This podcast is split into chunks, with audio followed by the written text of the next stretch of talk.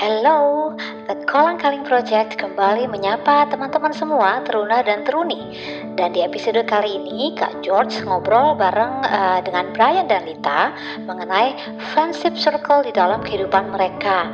Dan kedua teman kita ini berbagi suka dukanya serta ngasih tips bagaimana untuk punya lingkaran pertemanan yang sehat. Yuk dengerin deh, This is Kolang Kaling Project bersama Brian dan Delita di episode ke-19. Enjoy!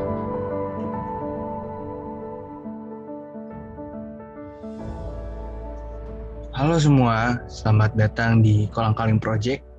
Selamat pagi, siang, dan sore bagi seluruh pendengar yang sedang mendengarkan Kolang Kaling Project. Kembali lagi bersama aku, George, sendiri di sini, yang kali ini akan membahas tentang circle. Jadi, pada umumnya tuh remaja kan memiliki gaya hidup yang cenderung instan, mudah dipengaruhi oleh hal-hal yang ada di sekitarnya. Demikian juga dengan remaja Kristen. Secara khusus, perihal kerohanian seseorang itu sangat mempengaruhi gaya hidupnya.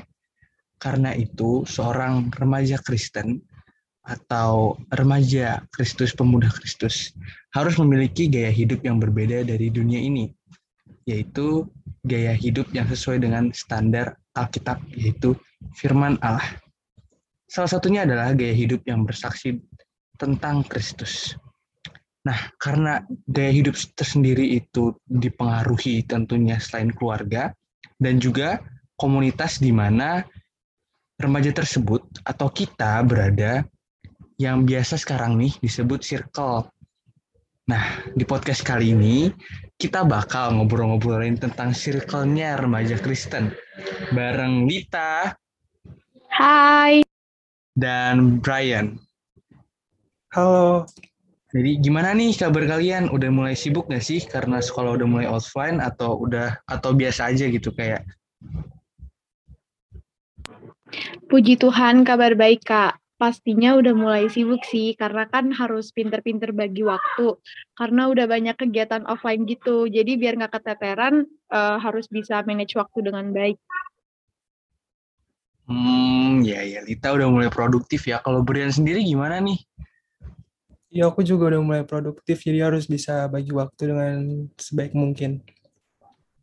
Gitu ya. Nah, ngomongin tentang sekolah nih, kalau kalian tuh punya nggak sih teman-teman, sekumpulan teman, entah di sekolah atau di rumah gitu yang bisa dibilang circle gitu? Brian dulu deh, punya nggak? Um, punya sih kak. Oh, kalau Lita gimana nih? Aku punya kak. Nah, kebetulan kalian kan masing-masing punya circle nih. Aku tapi mau tanya dulu, menurut kalian sendiri tuh biasanya circle tuh ngapain sih? Fungsinya buat apa sih gitu punya circle? Menurut aku pribadi sih fungsi circle itu biasanya buat untuk memotivasi aku karena kayak misalnya nih teman-teman aku kan orangnya produktif jadi aku terpicu buat jadi produktif juga. Terus fungsi lainnya uh, kita jadi mudah dapat solusi kalau ada masalah dan jadi punya support system untuk saling ngedukung satu sama lain. Wih, jadi uh, circle-nya definisi circle bagi Lita tuh uh, positif sekali ya. Jadi teman-temannya saling mendorong untuk produktif dan bisa jadi uh, tempat untuk membuat solusi bagi masalah. Kalau Brian sendiri gimana nih?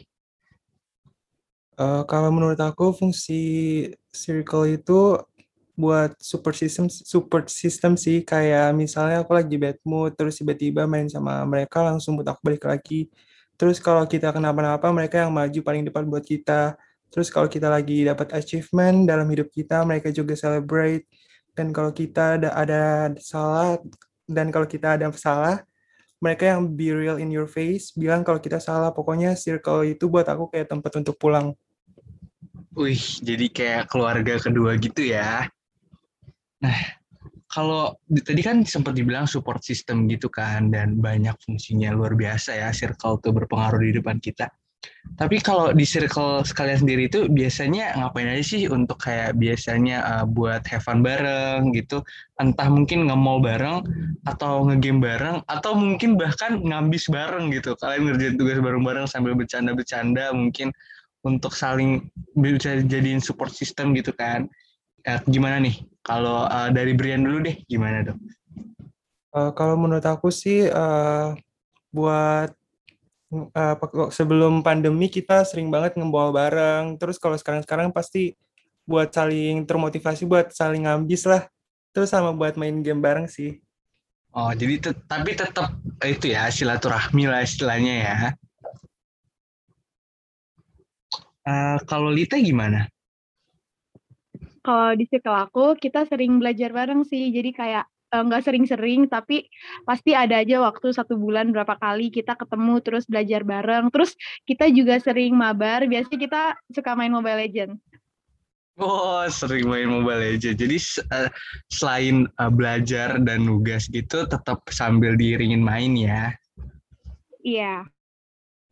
Uh, tapi pernah nggak sih di ada yang berantem gitu di circle kalian sesama teman atau mungkin kalian yang berantem sama teman atau mungkin teman kalian yang dalam circle itu berantem sama uh, orang di luar circle kalian gitu. Gimana tuh? Aku pernah. Oh pernah. Uh, uh, temen yang berantem atau Lita berantem sama temen atau gimana tuh? Hmm, apa ya? Teman sesama satu circle itu berantem gitu. Oh terus gimana tuh? Ceritanya gimana? Ceritain dong gimana ya? Uh, mungkin lebih ke cara aku menyikapinya aja ya. Hmm, boleh sih.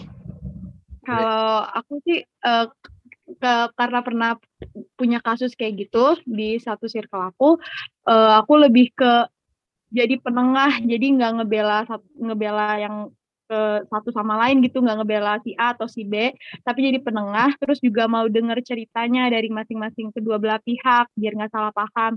Terus jadi mencoba mendamaikan bukan malah manas-manasin. Kalau aku gitu. Hmm jadi emang jadi pihak yang buat bikin damai ya sesuai dengan Kristen banget nih istilahnya ya. Ya begitu. damai. Kalau Brian sendiri gimana? Di circle gitu ada yang pernah ricuh nggak?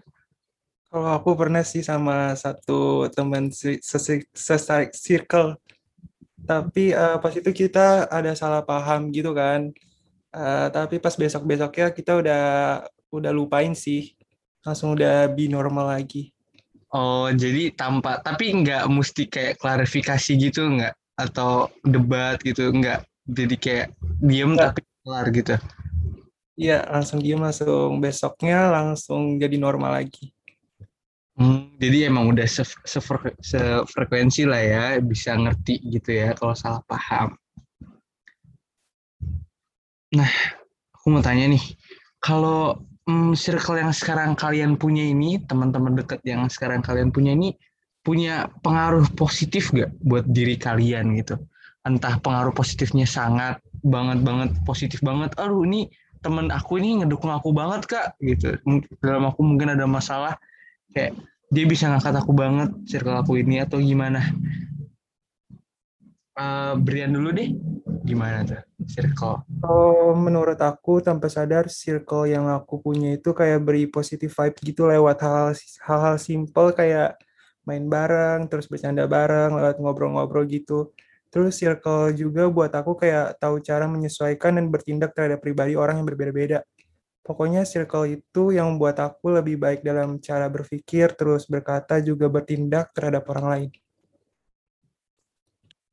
Wih, deep banget tuh ya. Berpikir dan bertindak pada orang lain tuh jadi udah tahu ya menyesuaikan.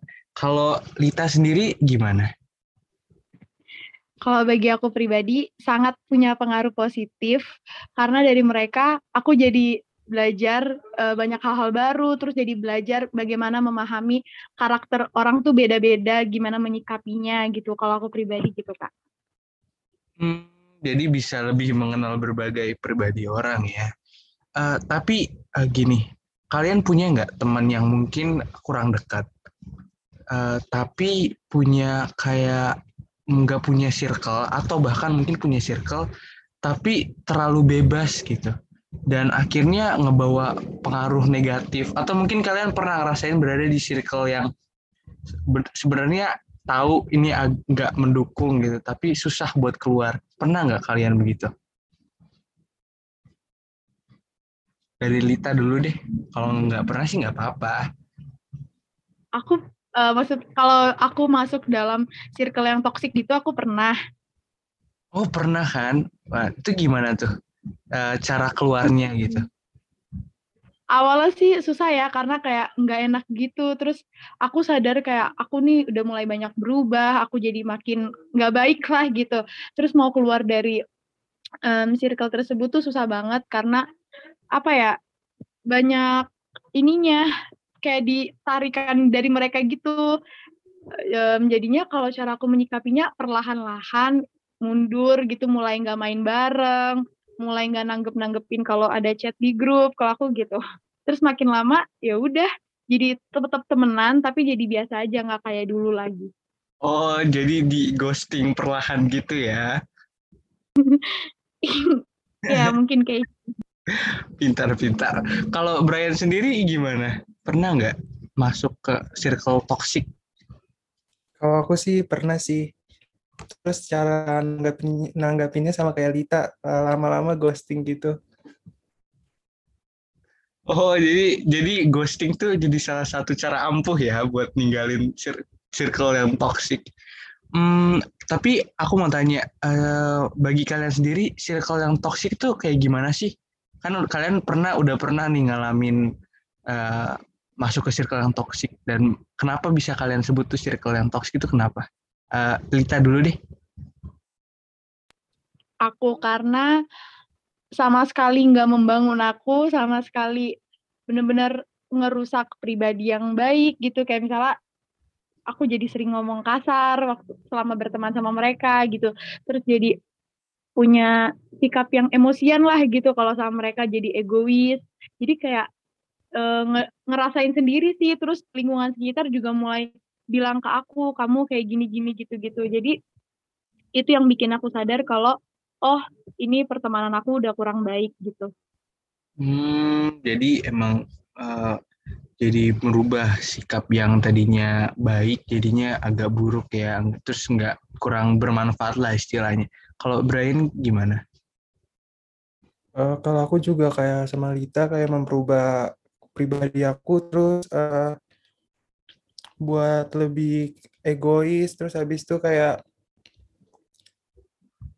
kayak ada sal, apa namanya saling iri iri iri menjadi gitu antara satu sama lain terus kayak suka ngomongin orang dari belakang terus manfaatin kita doang gitu loh buat kepentingan pribadi mereka gitu. Hmm, kayak ibu-ibu ini ya kompleks ya suka ngomongin orang di belakang. Hmm, tapi syukurlah kalian udah terlepas dari circle toxic itu ya dan itu bisa jadi uh, salah satu saran bagi para pendengar mungkin yang lagi dalam circle toxic ghosting circle kalian kabur dari situ. Nah, aku juga uh, mau nanya nih, uh, ada nggak sih pesan yang mau dikasih buat teman-teman teruna mungkin yang lagi dengar atau mungkin uh, pendengar uh, remaja Kristen sama remaja Kristen yang um, punya circle tapi negatif gitu, toxic, tidak membangun atau mungkin nggak punya circle tapi mau nyari circle gitu. Ada nggak pesan-pesan buat kalian buat gimana sih cara masuk circle yang benar gitu? Terutama kan kalian udah bisa nih tadi uh, bedain pribadi-pribadi orang, menyesuaikan gimana cara kita berpikir dan bertindak. Ada nggak pesan-pesan buat teman-teman teruna nih? Kita dulu deh. Um, hai teman-teman teruna dan pendengar-pendengar podcast ini. Pesan dari aku sih berteman itu dengan siapa aja, tapi kita sendiri harus selektif dalam memilih pergaulan karena firman Tuhan sendiri bilang pergaulan yang buruk merusak kebiasaan yang baik. Jadi mungkin kalau ada teman-teman teruna yang di dalam circle kurang positif, kalian boleh keluar dari zona tersebut. Bukan berarti jadi musuhan, tapi menghindari pengaruh yang kurang positif dari mereka. Nah, kalau buat teman-teman teruna yang mungkin belum punya circle, um, aku mungkin mau menyarankan kalian lebih membuka diri kalian kepada lingkungan sekitar, terus mulai percaya diri aja buat membuka topik obrolan duluan gitu, mulai ngobrol-ngobrol ringan dulu gitu. Tapi lama-lama kalian ketemu sama orang yang sefrekuensi, dan itu bisa menjadi teman kalian. Itu menurut aku, Kak. Wih, luar biasa, sangat lengkap ya. Uh, kalau dari Brian gimana pesan-pesannya? Uh, kalau menurut aku pesannya buat teman-teman Teruna yang lagi dengerin podcast ini dan mungkin lagi cari circle pertemanan, kalian harus banget hati-hati dan pinter-pinter yang memilih dan memilah circle pertemanan kalian karena dari circle pertemanan yang kalian pilih bisa mempengaruhi personality kalian dan bisa aja menjebak kalian dalam hal yang negatif. Terus buat yang lagi di dalam circle pertemanan yang, yang toxic, mending kalian cari circle baru yang bisa treat you better, karena di luar sana masih banyak manusia, jadi masih banyak circle pertemanan yang baik yang bisa kalian pilih dan jangan lupa juga selalu andalkan Tuhan. Wis luar biasa. Jadi eh, memang Lita dan Brian ini sangat-sangat mungkin uh, karena udah banyak pengalaman ya teman-teman. Jadi udah bisa memposisikan diri dengan lebih baik dan juga selalu ingat Tuhan ya. Yang paling penting itu selalu ingat Tuhan dalam mencari teman. Entah teman ini mungkin punya nilai positif atau negatif, pasti akan diberikan eh, Roh Kudus untuk menuntun teman-teman untuk mencari teman yang baik gitu.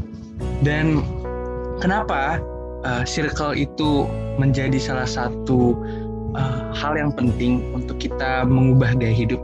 Kan tadi sudah dikatakan bahwa sebenarnya bersaksi itu bukan hanya sekedar berkata-kata tentang pertolongan Tuhan, tetapi menyampaikan tentang berita kesaksian yaitu Injil Yesus Kristus.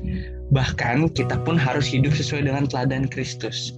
Jadi, pentingnya bagi remaja Kristen itu sebagai orang percaya untuk menyatakan kesaksiannya melalui lingkungan sekitarnya yang dimiliki sesuai dengan nilai-nilai Kristiani seperti yang dikatakan Gita dan Brian tadi. Jangan sampai pergaulan kalian yang buruk itu merusak sifat kalian yang baik. Masih banyak teman-teman atau manusia-manusia di luar sana yang bisa menjadi teman-teman kalian dan bisa menjadi support system kalian dan membawa kalian menjadi pribadi yang lebih baik. Itu saja dari kita.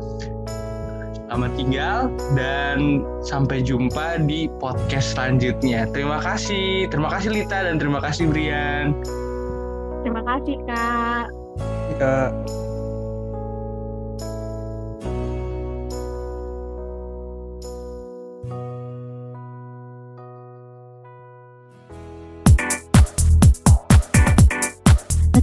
Kaling Project adalah podcast persembahan dari Pelkat Persekutuan Teruna GPIB Gideon Kelapa II. Podcast ini dapat didengar melalui saluran streaming di Spotify, Anchor, dan Google Podcast, atau di saluran mana pun yang memungkinkan untuk bisa mendengarkan perbincangan seputar dunia remaja. Jangan lupa ya untuk subscribe di Google Podcast atau follow di Spotify. Silahkan dibagikan juga atau direkomendasikan kepada teman, saudara, atau papa mama. Sampai ketemu di episode selanjutnya The Kolang Kaling Project. God bless you.